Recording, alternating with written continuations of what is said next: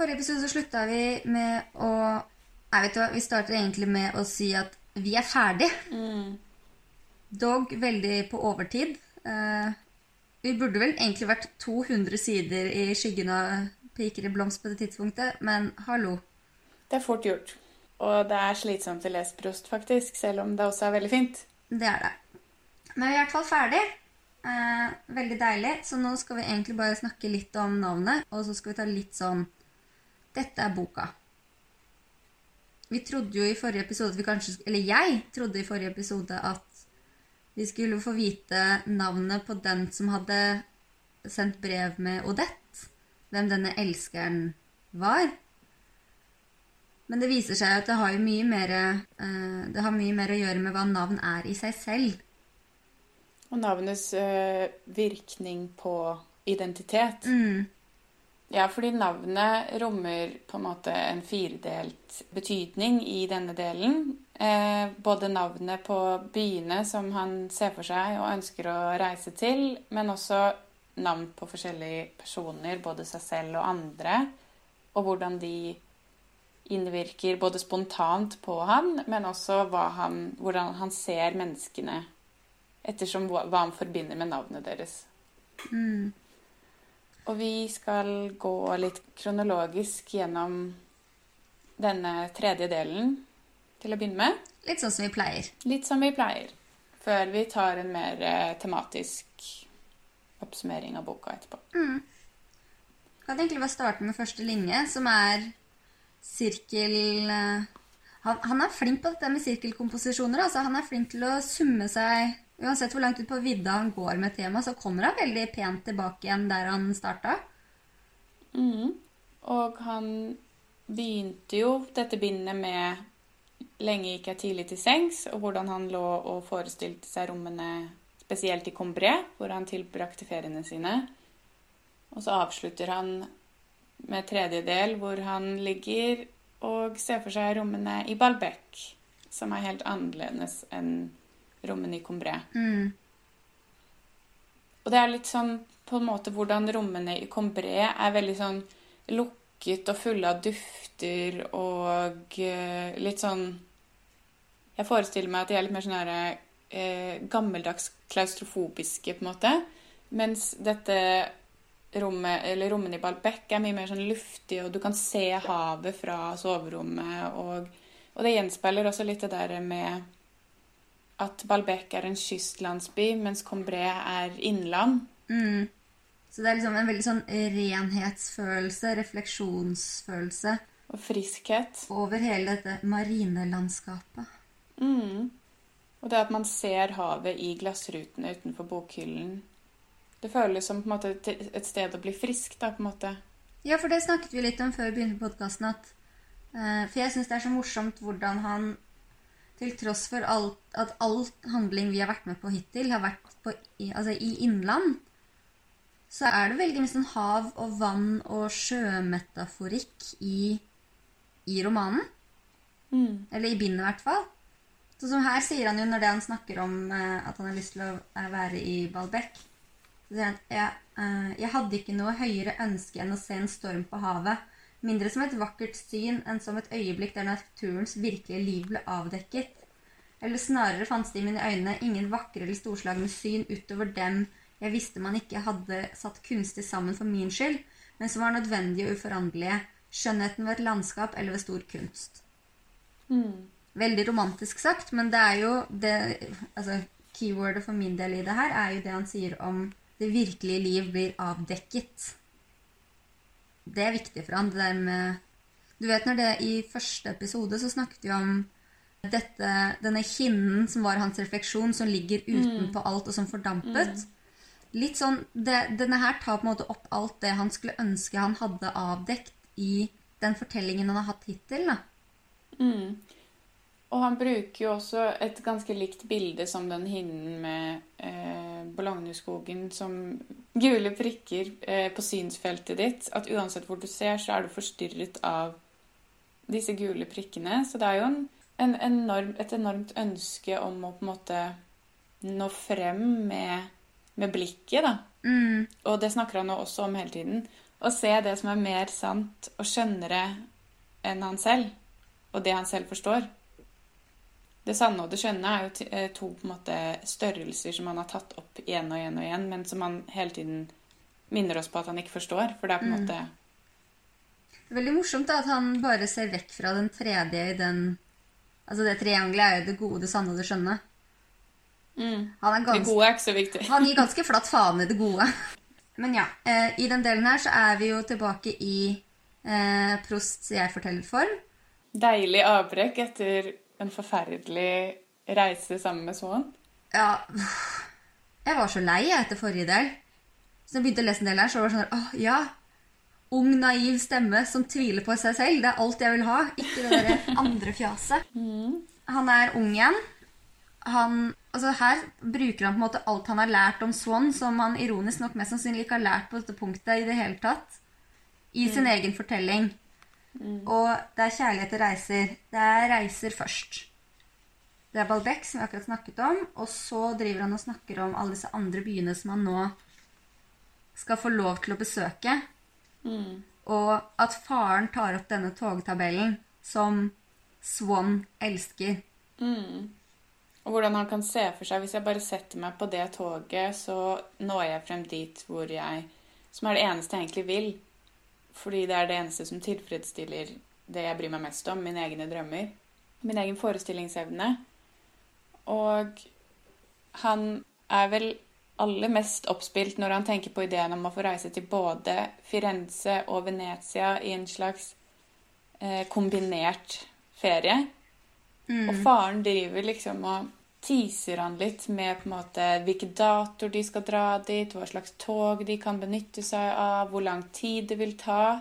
Og han er på en måte så nærme dette reisemålet at han, han ser det, på en måte. Han, han, han, er der nesten. Mm. Det er litt sånn essistisk form på akkurat den delen, hvor han snakker om eh, byenes natur, hva han ser for seg ligger i navnet, hva hans, hva hans bilde på stedet som om en kunstner hadde laget det, blandet med den kunsten som allerede finnes, pluss barnlig forventning. Det er veldig pent flettet sammen alt dette her, og veldig, veldig sensorisk. Og det at han ser disse byene i kombinasjon med spesielle årstider og høytider, sånn at han på en måte ingenting hvis han, Selv om det var midt på vinteren, eh, hvis det, solen skinte og det var en fin vårdag, så på en måte var han tilbake i drømmene sine i Venezia fordi at våren kunne ikke være vakrere enn er der, og på en måte han det er det der med den umiddelbare Noe som inntreffer deg umiddelbart, som gjør at du plutselig er et annet sted. Tidligere med madeleinekaken og en helt annen tid som han allerede har vært i, men nå eh, fremover i tid, til et sted han umulig kan ha vært. Så det er på en måte en motsatt erindring, da.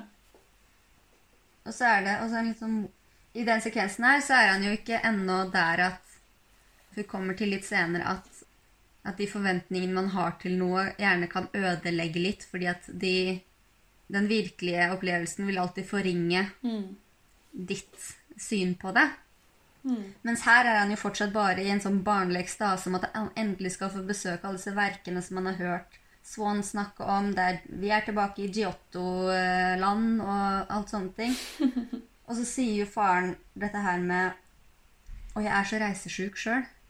Jeg har så lyst til å dra til reise. Jeg er sånn, «Åh, Kan noen bare ta meg med til Akkurat nå så er det Dublin jeg har mest lyst til å reise til, men kan noen bare ta meg med til Dublin? Jeg vil, jeg vil gå i biblioteker og lukte på ting og drikke øl og fjase. Jeg vil på valfart gjennom Frankrike til alle stedene hvor, eh, som vi har lest om. Det må vi gjøre. Jeg har lagt det til september neste år. jeg. OK. Ja, ja. Bare sånn så du er klar over det. Jeg begynner å spare nå. Ja. Men jeg, jeg levde meg nok litt vel inn i denne delen. Ja, Og- det kan man jo trygt si. Ja. Litt sliten, litt overarbeidet, litt andre ting. Litt reisesjuk og veldig, veldig fan av. Ja, det, det kommer jeg til nå. Fordi når faren da sier det kan fremdeles være kaldt på Kanal Grande, legg for sikkerhets skyld vinterfrakken og den tykke jakken ned i kofferten, så blir Prost helt gæren. Fordi det blir så akutt virkelig for han at nå skjer det. Han får en sånn reality check som, og en fantasicheck som bare er helt ut av alle proporsjoner. Så sier han at ved disse ordene hevet jeg meg til en slags ekstase. Jeg følte virkelig det som jeg inntil da hadde holdt for umulig. At jeg trengte inn mellom disse ametystklipper som lignet et rev i det indiske hav. Gjennom en siste gymnastisk anstrengelse som langt overskred mine krefter, vrengte jeg av meg luften i mitt eget værelse som et hensiktsløst skall, og erstattet den med like store deler venetiansk luft, denne sjøsalte atmosfæren, like ubeskrivelig og spesiell som drømmenes, som jeg i fantasien hadde lukket inne i navnet Venezia. Jeg følte det som om jeg på mirakuløst vis forlot min egen kropp. Øyeblikket etter ble jeg overmannet av denne ubestemmelige trangen til å kaste opp som man føler når man har fått en kraftig halsesyke, og jeg ble lagt i sengs med en så hardnakket feber at legen forbød meg ikke bare å reise til Firenze og Venezia, han påla meg også, når jeg ble helt frisk, å unngå i minst ett år fremover alle reiseplaner og enhver kilde til noen slags sinnsbevegelse. Og der begynte jeg å grine. Og det blir jo bare enda verre av at du ikke husker sist gang du gråt av en bok. Så første gang du gråter av en bok på så lenge du kan huske, er av Marcel Proust og over at han ikke får reise til Venezia. Ja, um, jeg tar all selvkritikk. Jeg har prøvd å tenke tilbake. Det siste jeg kan huske, er når jeg leste uh, Idas dans som 15-åring. Har du ikke gjort det siden det? Jeg må ha gjort det siden det. Garantert. Uh, og jeg har grått av masse film, men Men det var jo kanskje en blanding av at det var veldig pent skrevet, men også det derre han var jo nesten på toget, ja. på en måte. Og, og jeg syns det er noe veldig brutalt med det derre Å få et barn så oppspilt og glede seg så fælt over noe, for så bare at det blir revet vekk fra det. Men ikke nok til å begynne å gråte. Det er absolutt en, en blanding av altså det er, det er den barnlige forventningen og, og, at det er veldig pent skrevet. Jeg var veldig inne i det når jeg leste det, og jeg hadde drukket litt rødvin. Og jeg har jeg har så mange unnskyldninger klare. Du var veldig skjør. Jeg var veldig skjør. Ja. Du traff deg på riktig tidspunkt. Ja. Men jeg syns også det er veldig eh, fint, fordi det går liksom fra disse byene Som man sier, navnene på byene gir, derimot gir oss av personene, og av byene som de får oss til å oppfatte som like individuelle og enestående som personene. Et uklart bilde som preges av den lyse eller mørke tonen i navnets klang. Eh, mm. Fordi det eneste han får lov til å gjøre når det han ikke kan reise til Venezia eller Firenze eller Balbec, for den saks skyld, er at han får lov til å gå i parken på Champs-Élysées. Da han begynner å besøke eh, parken ved siden av Champs-Élysées, så får han jo ganske fort en eh, velkommen åpenbaring om at eh, Gilberte gjør det samme. Ved at en jente roper på navnet hennes, og så skriver han dette navnet Gilberte strøk forbi meg og fremmanet den det betegnet så meget tydeligere som det ikke bare omtalte henne som man snakker om, det henvendte seg til henne direkte, slik strøk det forbi meg, i aksjon så å si, med en kraft som øket etter hvert som det nærmet seg sitt mål. Det var ladet, følte jeg, med et kjennskap til og et begrep om den det henvendte seg til, som ikke tilhørte meg, men venninnen som ropte på henne. Det rommet alt det som hun, mens hun uttalte det, gjenså eller i det minste eiet i sin erindring om deres daglige fortrolighet, om besøkene deres hos hverandre, om hele dette ukjente som var enda mer utilgjengelig og smertefullt for meg, ved at det tvert om var så skjemt og så håndterlig for dette lykkelige pikebarnet som lot det streife meg uten at jeg kunne eh, trenge inn i det, der hun kastet det gjennom luften i et rop. Og det at måte, han kan se for seg noen andre ta del i hennes liv, og at han ikke får det Den ulykken han kjenner ved at det navnet blir kastet gjennom luften, er jo også en, litt sånn som vi har snakket om, en sånn umiddelbar reaksjon på noe som skjer, som kan utløse en, en veldig sånn ekstrem følelse, da, enten av noe som ikke er hans. Mm. Så han er eiesyk igjen. Han er eiesyk igjen, og det er også veldig morsomt at han føler det nå med navnet Gilberte, som var akkurat det samme han følte når eh, Swan fortalte at Gilberte kjente Bergot. Mm. At hun fikk ta del i hans liv og alle hans gjøremål. Altså Så dette er en skjede som beveger seg. Nå er det Gilberte som er den store helten, og bare det at noen på en måte kjenner henne, gjør at han blir helt fortvilet.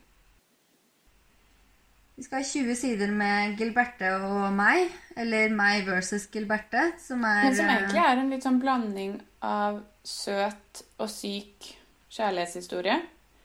For det er noe veldig nydelig ved det der med to barn som leker sammen i en park, og eh, hun gir han klinkekulene og alt mulig sånn. Men så er det også noe veldig ubehagelig ved hvordan han elsker henne, i anførselstegn, for det gjør han jo åpenbart ikke. Nei, jeg tenker også Noe av det som gjør det så ekkelt, er at det er ekstremt modne refleksjoner rundt et barneforhold. Og modne i den forstand av at de er voksne, og ikke at de er De er absolutt gjennomtenkte. fornuftige. Og, nei, det er ikke det er akkurat det. De er, de er voksne, men ufornuftige, og det gjør det ganske ekkelt når det handler om to hva da, niåringer, åtteåringer. Som leker i en park. Det er, ja, jeg er helt enig. Ja, Skal vi snakke litt om de klinkekulene, eller? Ja, fordi at de går bort til en eller annen type kiosk, og der ligger det masse eh, klinkekuler. Hvor han ser for seg at alle er fanget i denne kiosken, og han vil befri dem fra den forferdelige tilværelsen de har der. Eh, og Gilberte, som har litt mer eh, lommepenger enn han, sier at hun skal kjøpe han en. Og da velger han selvfølgelig, romantisk som han er, den klinkekulen som har samme farge som øynene til Gilberte. Som vi ikke vet hva er. Er, er de sorte, eller er de blå? Fordi han har jo sagt at de er sorte, men at han ser for seg de som blå. Mm. Men jeg tenker at klinkekulene kanskje er blå, da. Jeg tror de er grønne. I hodet mitt så er alle sammen jadefargede, men Ja, Men det stemmer ikke. Det er helt feil. Så det er den ene gaven han får av henne. Og så får han jo da denne lille boken som Bergot hadde skrevet om Brasil. Mm. Og den Og La Berma.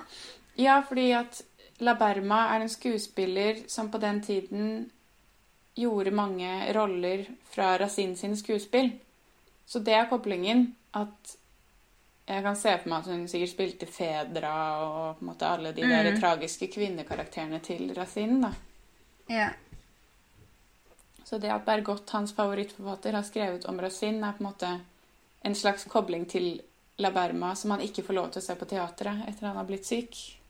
Og en sirkel tilbake til hvordan de ble kjent i utgangspunktet. Så for han så er nok dette en litt sånn romantisk eh, insider joke som hun ikke er med på også, for hun kan, hun, hun kan ikke koblinga. Mm, ikke sant? Men han får i hvert fall den fra henne, da. Tilsendt med Postverkets påtrykte sirkler og postbudets resolutte blyantinnskrifter. Disse tegn på en konkret virkeliggjørelse. Et seil fra den ytre verden. Symbolske fiolette bånd fra livet selv, som for første gang var kommet for å slutte seg til min drøm, holde den oppe, styrke den og gjøre den glad. Ikke gjøre seg glad, men gjøre drømmen glad. Det han sier her, er at nå, nå er du god, Gilbertemor. Gilberte mor. Nå, nå, nå spiller du rollen din her. Dette er akkurat sånn min fantasi skal være. Takk for innspill. Hele problemet hans med Gilbert er jo egentlig det at hun er et levende menneske som ikke minner om det mennesket han har i forestillingen sin når han sitter på gutterommet og fantaserer om henne. Hun er ikke navnet Gilbert. Nei, hun er et, et ekte menneske av kjøtt og blod som han helst skulle sett at hun ikke var. Og han bruker ganske sånn Han bruker det der med at Gilbert er to personer, én på ekte og én i hans hode, ganske sånn direkte og bevisst. Og at hele grunnen Altså det er flere grunner til at de, de parkbesøkene ofte ender i en enorm ulykke for ham. Og det ene er jo det at været er så Altså, det er helt umulig å forholde seg til. Det er vinter, og noen dager er det sol, andre dager er det, det er uberegnelig. Det andre er jo at han prøver å se for seg det å skulle møte Gilbert som en opplevelse han vil ha glede av, men så treffer han henne, og så er hun helt annerledes, og så blir han Han må bli skuffa, fordi at han Det er ikke samme person engang. Mm. Så det er det som er veldig sånn ubehagelig med det der som vi snakket om, at det der med å ønske at en kvinne man begjærer, er noe annet enn hun faktisk er. Det er mye av det samme som Swan gjorde med Odette også. Og mye av det også jeg tror Odette gjorde litt med Swan. Ja. Eller egentlig så tror jeg det er et ganske vanlig problem, for å være helt ærlig. Det er bare at han gjør det så det er, det er, Jeg tror det er det at dette barnet gjør det også, Mm, mm, som gjør det så suspekt. mm. Fordi jeg tror nok til en viss grad at altså, barneprost var Tenkte litt på det. At han var Altså, veldig mange barn blir jo sinte når ting ikke lever opp til forventningene sine. Mm. Men alt, at det er så stort, da, det at han liksom Han sier til seg selv at eh, kanskje jeg kan få henne til å bli sånn som jeg vil. Kanskje hun kan bli navnet Gilbert og ikke personen Gilbert. Det er så utrolig ekkel. Mm. Og når han får disse klinkekulene, så sier han faktisk De ble ikke gitt av den piken jeg elsket, til det jeg som elsket henne, men av den andre, av henne som jeg lekte med. Til dette andre jeg som verken eiet erindringen om den virkelige Gilberte, eller den sinnsro som var nødvendig for å kunne verdsette en slik lykke. Så på en måte Han er så innmari klar over at at han bruker henne på liksom to forskjellige plan. da. hele denne romanen er veldig sånn abstraherende, på en måte. Det at, det, at refleksjonen og, og opphøyelsen til noe annet er på en måte så viktig. Å kunne liksom gjennomskue alt er jo hans Eller i hvert fall være klar over gjennomskuelsen er på en måte hans prosjekt. Samtidig så lager han jo nettopp dette bevissthetslaget som han syns er så provoserende når han forsøker å avdekke alt. Altså, det virker som om han hele tiden prøver å finne en sammensmeltning mellom de to, eller om han egentlig prøver å rive vekk sitt eget bevissthetslag da, i denne utforskningen. Jeg tenker på en måte at han veldig ofte vender tilbake til det at hans eget indre er på en måte høy, altså høyere verdsatt, men også på en måte mer opphøyet enn den faktiske verden. da. Sånn det der med å trekke seg tilbake til lesingen er så viktig for han. Den ikke-eksisterende virkeligheten. Og det at han elsker mennesker slik han Altså både Guermans, som han jo på en måte hadde Han har masse ideer om folk Altså, han har jo ikke engang sett La Berma. Han vet angivelig ikke hvordan hun ser ut engang. Og likevel så er det hans favorittskuespiller. Jeg mener, de- de menneskene som eksisterer inni han, er på en måte idealet, da. Og, og derfor også er han selv idealet, mer enn Ja, en verden utenfor. det kan jeg godt være enig i. Samtidig så tenker jeg liksom Du vet når han, eh, Den passasjen vi leste helt i start, altså første siden i navnet nå, når han snakker om at han har så lyst til å se en storm og bli overveldet av noe som ikke er forfinet eller raffinert, men som bare er fullstendig i seg selv. Altså Han leter jo etter et sånt ideal som ikke skal være konstruert i seg selv også. Han vil jo på en måte bli overmannet av verden som et ideelt sted også.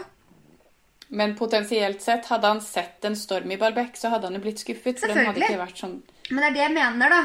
Han, han driver en sånn catch-22 med at eh, han prøver å liksom avdekke alt, men samtidig blir overveldet av noe. Noe han ikke klarer når han har liksom så mange idealer og mikroskopiske innsnevringer i alt som foregår rundt han, da. Og så mye av seg selv i tingene rundt seg.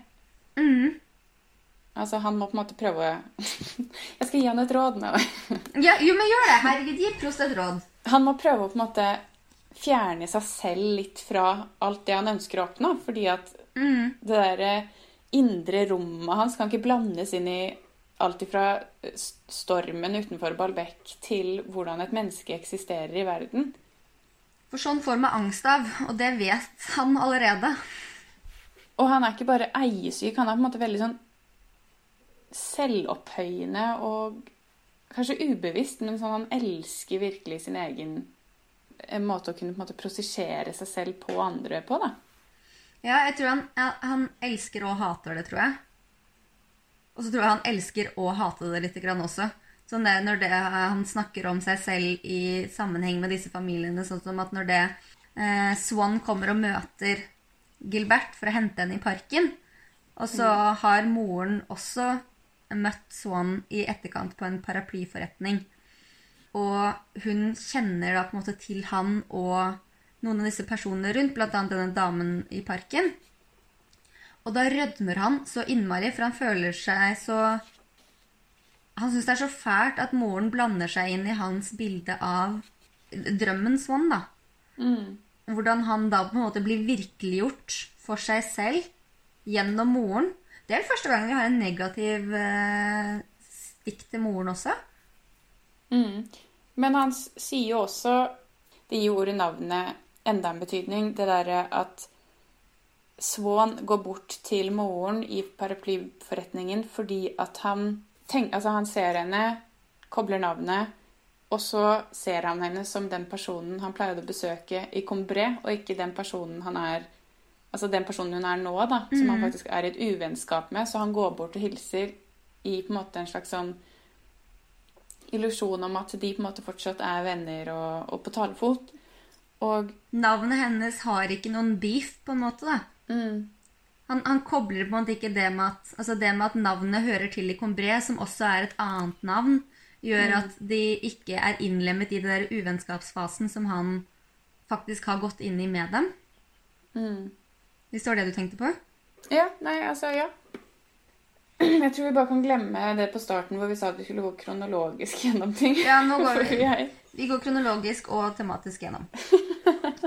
Eh, og det er jo, altså Bare for å ta Gilberte, som er på den store delen her Det er jo veldig mange Altså Han speiler denne eh, hvordan jeg tror hun er, og hvordan hun egentlig er ting. Det, det kommer til uttrykk i veldig mange forskjellige varianter. F.eks. dette brevet som han venter på. Ja.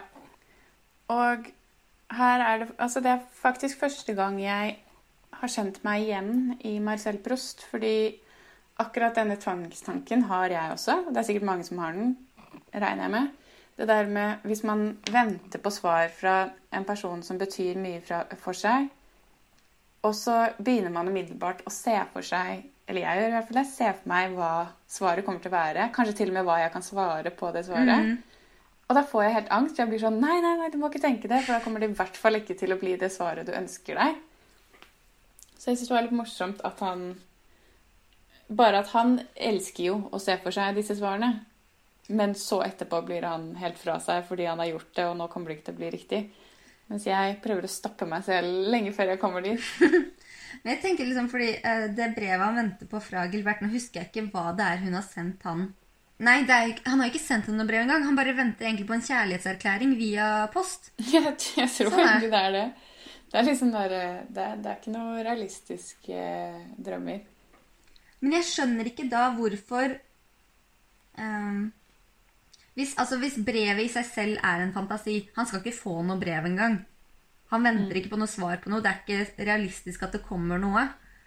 Hvorfor blir han da så redd for hva hun skal skrive?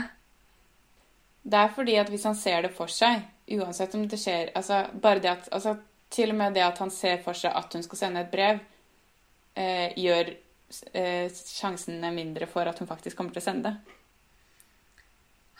Har dere begge tatt samme kurs i overtroisk 101? 13.01. 1301? Ja, vi har tatt to emner sammen. Overtro og um, selvbevissthet. Det siste der tror jeg tok med Jeg gikk ikke opp til eksamen. Du konta. Jeg konta på selvbevissthet. Men det er jo Gilberte viser seg jo også fra en litt sånn mindre hyggelig side. Hun er jo ikke så veldig snill. Og Nei, men Hun bryr seg vel ikke så mye i utgangspunktet. Nei, eh, men hun er jo veldig glad i å fortelle han at 'jeg liker de andre vennene mine bedre enn jeg liker deg', og hun ser jo sikkert at han blir helt ulykkelig av det, så hun har litt, litt sånn derre Hun har kanskje noe litt av det samme som Odette, da, den derre inn- Altså den litt skjulte drittsekken i seg. Tenk, altså, Unnskyld meg, jeg skal være helt ærlig. Jeg tror at her har Prost bare slettet en liten linje hvor han sier sånn Hva syns du egentlig om eh, meg? Liker du meg bedre enn de andre? Og så har han bare kutta den og bare går rett på. Nei, hun erklærte at hun likte meg mindre. Helt ut av det blå. Han sier i hvert fall Han prøver å ta et oppgjør med henne og sier liksom Fordi han kommer dit, har, har lyst til å snakke med henne, men hun er, på vei til å gå med en gang. Og da føler han at nå må jeg nesten si fra snart. En av disse solskinnsdagene som ikke hadde oppfylt mine forventninger eh, Side note, de tror jeg det er mange av. Klarte jeg ikke å skjule min skuffelse for Gilberte. Jeg hadde nettopp en rekke ting jeg ville ha spurt av, sa jeg til henne. Jeg hadde regnet med at denne dagen ville bety mye for vårt vennskap. Og så snart du har kommet, skal du gå igjen. Prøv å komme litt tidligere i morgen, i alle fall, så jeg i hvert fall kan få snakket med deg. Gilberts ansikt lyste opp, og hun hoppet av fryd og hun svarte. I morgen? Ja, da kan du skrive opp at jeg ikke kommer, for i morgen skal jeg i stort selskap om ettermiddagen. Ikke i overmorgen heller, da skal jeg til en venninne for å se kong Theodosius' inntog fra hennes vinduer, og dagen etter det skal jeg se Michel Strogoff, og etter det, etterpå det blir det jul og nyttår. Kanskje skal vi reise til Riviera? Adjø, nå roper pappa på meg. Så hvem vet om det faktisk er hun som fryder seg over å kunne sette ham på plass på den måten, eller om han bare ser det for seg fordi at han blir ulykkelig og dermed sint. Men hun er jo ganske sånn Ufølsom. Ja. Så krever jo han også ganske mye av henne. Ja, ja. Han har mye forventninger til henne, til at de så vidt er venner. Som om de skulle De har spilt på lag i en eller annen slags lek hvor de har leirer. Men han føler hun har forpliktelser, på en måte. Ja. Det er, et, eh, det er en uting. Men det som er så morsomt, er at i motsetning til Swan, da, som brukte 130 sider på å gå igjennom denne motion av forskjellige forelskelser og nederlag og innse at her er det noe som er litt fåfengt, så skjønner jo åtte-ni år gamle barnet Prost dette veldig raskt med at ja, når hun snakker sånn til meg, så innser jeg jo at i morgen blir jo ikke annerledes enn dagen før, og dagen etter det og dagen etter det. Det kommer ikke noe brev. Eh, mitt vennskap, at i mitt vennskap med Gilbert var det bare jeg som elsket. Sant nok svarte min kjærlighet det er ikke noe å gjøre med dette vennskapet. Det forandrer seg ikke. Pluss at han elsker henne jo ikke. Han elsker jo ideen om henne, og det er egentlig bare fordi at hun kjenner Laverma Nei, ikke Laverma, men Bergot. Mm, og heter Swan. Ja. Men det betyr jo ikke at han ikke er mindre forelsket i familien Swan. Han sier bare 'la oss heller bare være venner'. Nei, for det er han. Så da går han over til å snakke mer om pappa Swan. Og Som han elsker. prøver å imitere. Det var jo Det er ved middagsbordet hvor han sitter og skal leke Utrolig morsomt. Ah. Ved middagsbordet satt jeg hele tiden og strøk meg over nesen og gned meg i øynene for å etterligne Swan. Gutten er åndssvak, han blir verre for hver dag som går, sa min far. Jeg ville spesielt gjerne ha vært like skallet som Swan. Jeg kan bare se for meg Kan du se for deg å ha denne sønnen her, som sitter liksom som åtteåring og gnir seg liksom rynken mellom, som han ikke har mellom øyenbrynene, og på en måte skulle ønske han var en gammel mann som var skallet? Jeg hadde Jeg håper han shaver hodet sitt. Jeg håper han shaver en måne. Man kan jo se for seg at de foreldrene ser på han og tenker liksom Hva skjedde med dette mennesket her? Tenk å komme på besøk. Se denne lille gutten. Hva hadde du gjort? Jeg tror jeg hadde spurt om det gikk bra med han, kanskje. Gitt familien et lite visittkort til en eller annen lege. Når han er ferdig med, henne, med pappa Swan, så går han over til Altså, det er den klassiske 'får du ikke dattera, så gå etter mora'. Så da begynner han å følge etter Odette i Bologneskogen sammen med Francois, som er dødssliten og helst vil slippe alle disse forferdelig lange gåturene, enten til Trumfbuen eller gjennom skogen, eller hvor det måtte være. Ja, jeg gikk inn på Google Maps. Jeg var sånn På Lånskogen, kan du gå dit? Det høres ut som de skulle liksom langt når de skulle dit på disse En konsertene skikkelig og utflukt. Det ligger jo flatmed rett ved siden av Seinen, og det er en åtte kvadratmeter stor park. Hippodromen som vi har snakket om, ligger jo inni der. Åtte kvadratmeter, kvadratkilometer. Ok, åtte kvadratkilometer. Ja.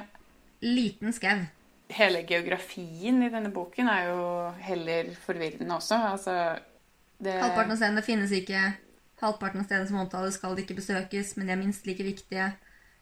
Hvor langt folk reiser, togtabeller hit og dit. Vi må rett og slett sette oss ned og lage et kart. Kanskje vi skal gjøre det og legge det ut på Instagram. Men de begynner i hvert fall å besøke Ballongskogen hyppig, hvor Odette eh, enten eh, kommer eh, trekkende inn vogn eller gående gjennom. Og da ser han Foran vognen. Ja, de kjører etter henne. Men det var ganske morsomt fordi Det var ikke så morsomt, egentlig. Men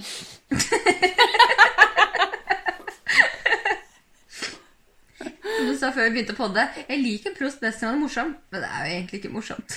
jo, men jeg, jo, det syns jeg han er. Men eh, jo, det der med at eh, når hun kommer gående, så er det enkeltheten denne, henne som er roten til hans beundring. Mens når hun kommer etter en vogn, så er det på en måte det der med at hun ser ut som en dronning, men at siden man ikke vet hva hun eventuelt skulle vært dronning for det Han kaller det at han har, har en vag og ugrunnet oppfatning av hennes makt. Det gjør at han, han på en måte opphøyer henne. da. Så det er på en måte Han ser henne forskjellig og verdsetter henne på forskjellige måter ut ifra hva slags fartøy hun kommer med. på en måte. Og her er også en hel del voksenbetraktninger. For han observerer jo alle disse mennene som, som snur seg etter Odette, og alle har litt forskjellig um, forhold til henne. Enten bare hørt rykter om henne, skulle ønske at jeg hadde gått til sengs med henne, har gått til sengs med henne, hva det måtte være. Og hun smiler på en måte til dem. Hvor smilet hennes Hun smiler ett smil, men det, Det betyr tre forskjellige ting. Enten ja, jeg husker at vi har ligget sammen, eller det var synd at vi aldri fikk ligget sammen, eller la oss ligge sammen, jeg går til høyre er borte. Hun hadde også ett som hun skriver Bare for visse menn hadde hun et syrlig smil. Tvungent, fryktsomt og kjølig, som betydde Ja, ditt svin. Jeg vet nok du har en giftig tunge, at du ikke kan la være å snakke. Blander da jeg meg i dine saker? Ja, Kan du se for deg Prost si svin? si svin. Ja, det høres ikke ut som hans ord i det hele tatt. Ja, ditt svin. Men jeg kan se for meg Odette si det. Absolutt. Det er nesten litt for tamt for henne. Men han elsker henne og klærne hennes og, og hvordan hun bare beveger seg som, som denne dronningen med alle sine undersåtter. Han, han er der ofte og ser på henne, men hun, blir aldri, hun legger aldri merke til han fordi han bare er der som en del av Kulissene og bipersonene, på en måte. Så begynner, går han egentlig inn i avslutningen på boken. Og da er det kun minnet som står i fokus igjen. Den måte, overgangen han bruker, er jo at han går tilbake i Bologneskogen som eldre. Og da alt helt annerledes enn det det var de gangene han gikk der og, og så på en måte disse flotte damene i antrekkene sine. Og eh, skogen minnet om en zoologisk hage. og der var på en måte myrtelalleen fra Vergils Aneide, og der var Altså på en måte et helt sånt veldig sånn malerisk bilde av en skog til at det nå bare er en helt vanlig skog. Og jeg syns det på en måte nesten hørtes ut som han snakket om vår tid når han sa det, for han var sånn Nå går det bare damer rundt her med tunikaer, og, og alle har hvite leiligheter med hortensiaer og på en måte sånn Det hørtes veldig sånn derre Det hørtes ut som man på en måte hadde et innblikk i hvordan verden har tenkt eller kommer til å bli også, da. Ja, Med unntak at de så ut som de, noen av de hadde kledd seg i fuglebur og hadde frukt i hatten. da. Ja, men altså Damer i tunikaer og hvite leiligheter med hortensiaer på bordet. Jeg tenker at det på en måte Ja, vi er på Frogner. Ja. Eller kanskje Frogner, Frogner på sånn tidlig 2000-tallet. For en gru, sa han, sa han til seg selv. Han hater det jo. Ja. det Han syns liksom, han syns det er altfor simplistisk og vulgært samtidig. Litt sånn dekadent. Mm. Og her kommer han jo tilbake til altså det vi så vidt snakket om, at Bologneskogen snakker om det som disse gule flekkene på synsfeltet hvis du prøver å se på noe, men så er det noe som forstyrrer deg, på en måte. Og hvordan minnet av Bologneskogen er så eh, kunstig, på en måte. Han har skapt det selv. At uansett Altså, han er på en måte litt inne på temaet den tapte tid, da. Men at den er tapt fordi den aldri kan gjenskapes da den har oppstått i en kombinasjon av sånn det virkelig var, men sånn han også ser det for seg når han ser nostalgisk tilbake på det. Og at bare det at det ikke skulle være samme tidspunkt eller type samme temperatur i luften hvis det skulle skjedd igjen, hadde gjort at det ville vært noe helt annet. Dette med at minnenes på en måte flyktighet og uoppnåelighet, da. og skuffelsen det medbringer seg. Så han er litt tilbake til det han også begynte denne delen med, nemlig det at byene aldri vil være byene slik navnene åpenbarer seg for ham. Mm. Ja, jeg tenker kanskje på minnene som det helt motsatte av flyktige. At minnene er det statiske i en flyktig verden. Utelukker det ene da, Eller det gjør jo selvfølgelig det, men jeg tenker ikke at han er på en måte så bastant om det, da, fordi Nei, og så er det jo også det at den personen som har minnene, endrer seg. Ergo så vil ikke minnene på den måten heller være statiske, men, men forholdet til det Det er litt sånn som eh, ja, Men de er, jo, de er jo flyktige, fordi at hele altså Nå skal jeg ikke korrelere for mye med deg, men hele boken handler jo om søken etter den tapte tid og minnene. Og det kommer jo mm. bare autentisk tilbake til han ved en spontan erindring. Altså Madeleine-kaken eller Eh, et musikkmotiv, eller ved å høre et navn, eller ved at det kjennes ut som vår selv om det er vinter. Så Da misforsto jeg rett og slett bare eh, hva du eh, la i 'flyktig'. Ja, jeg mener at han ikke Han, han ønsker tilbake De oppstår kun Ja, og han ønsker tilbake til noe han ikke nødvendigvis altså rent praktisk ikke kan tilbake til, men også som han aldri kan gjenskape slik som han som det han savner, da. Mm. Da er jeg enig. Da er jeg med. For Han sier jo også selv også men når en tro forsvinner, overlever det en fetisjistisk binding til de gamle tingene som troen hadde gitt liv til. Og for å dekke over vår tapte evne til å gi nye ting virkelighet, blir denne bindingen bare mer og mer livskraftig. Som om det var i tingene selv og ikke i vårt eget indre at det guddommelige hadde tilhold. Så, så da er vi enige. Absolutt. Han slutter hele boka med Stedene var bare et lite utsnitt blant den mengden av, av, omgivende inntrykk som utgjorde mitt liv på den tiden. Erindringen om et bestemt bilde er i virkeligheten bare savnet av et bestemt øyeblikk, og husene, veiene, gatene, også de er flyktige som årene. Mm. Så altså selv et helt sånn konkret konsept som en bygning oppleves for han som flyktig. Det virker som han på en måte ikke føler han kan stole på noen ting, at alt er på en måte flytende. Mm. Og det er det jo. Ja. Ja, absolutt. Men det er kanskje derfor han også henger seg så innmari opp i navnet som konsept. da. Mm. At det er liksom, ok, men Hvis alt annet i det minste endrer seg, så er det i hvert fall hva du kaller det, konstant. Mm. Mm. Men ikke hva slags assosiasjoner som vekkes ved det. Som på en måte gjør det tomt. Litt som et minne i seg selv. Det er dumt mm. å hefte seg med et minne hvis du ikke har det. på en måte. Mm, mm. Nei. Da er vi gjennom den eh, ikke-kronologiske gjennomgangen. vi kaller den semi-episodiske gjennomgangen. Ja, men uh, vi er i hvert fall gjennom delen, navnet. Og hele veien til Swan. Som er deilig. Jeg tenker, altså jeg klarer ikke å la være å tenke framover på det. Og jeg kjenner at mye av det som jeg syns har vært morsomst i denne boken, har vært eh, barnet prost som sliter med å være barn. Mm. Eh, og alt det værer med seg. Fordi når han snakker om voksne, så når han er morsom, så er han ufattelig morsom. Og når han er slitsom, så er han ufattelig slitsom. Altså Han gjør ingenting halvveis. Mm. Og hvis vi skal bale med en voksen eksistensiell kriseprost i fire bind, så kan det bli drittungt. Mm. Men det som er mest slitsomt å lese, er også noe av det jeg liker godt i ettertid. I ettertid. Så jeg tror bare dette her, å lese det første bindet, har gitt oss en ekstrem føring for hvor vanskelig og tung den oppgaven vi har bitt oss ut på, faktisk kommer til å være. Men mm. også hvor givende det kommer til å være i ettertid når vi først er ferdig. Ja. Og så prøver jeg på en måte å tenke litt, eller det har jeg i hvert fall tenkt mye på, fordi jeg liker dette her ekstremt godt. Jeg, jeg, jeg likte boka godt, og jeg har kost, mm, kost meg masse både eh, når vi har snakket, og eh, når jeg har lest, og i ettertid når jeg har tenkt tilbake på det. Jeg prøver å minne meg selv på at du får aldri lese Prost første gang igjen. Nei. For det er liksom ofte sånne her bøker som du tenker sånn Å, du er så heldig som ikke har gjort det. Jeg skulle ønske jeg kunne på en måte bare slette minnet mitt og gjøre det på nytt.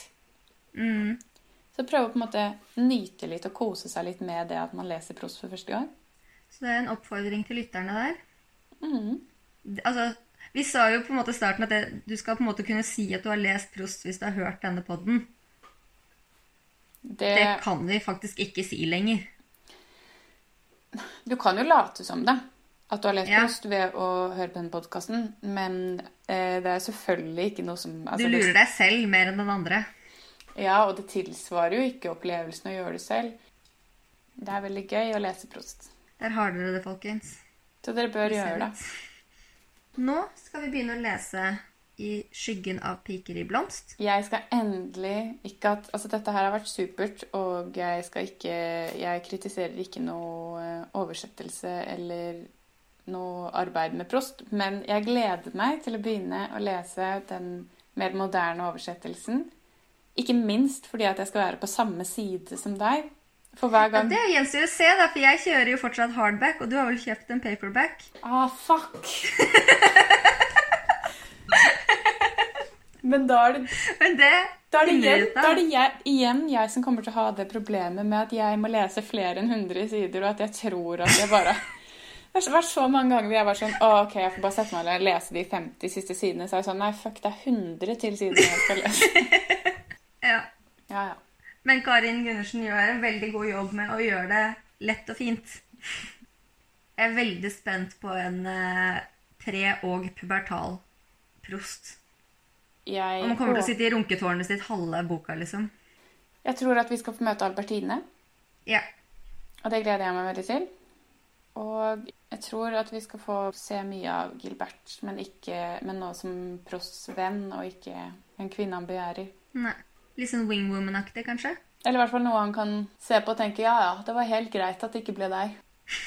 For hun kommer sikkert til å være et uvær som voksen, ser jeg for meg i hvert fall. Ja, det tror jeg også. Underholdning. Mm. Men skal vi runde av, da? Ja. Takk for uh, god lesning av første bok. Eller ikke en god lesning, men en god opplevelse. Ja. Takk for Hørtes det plutselig du skulle legge, legge ned podden. Nei, nei. Å, herregud, tenk så trist det blir. Men da skal vi gå videre. Nei, det er for tidlig. Jeg orker ikke. Ja, Vi skal uansett gå videre på Victor Hugo etter Marcel Prost. Ja, stemmer det. Faen.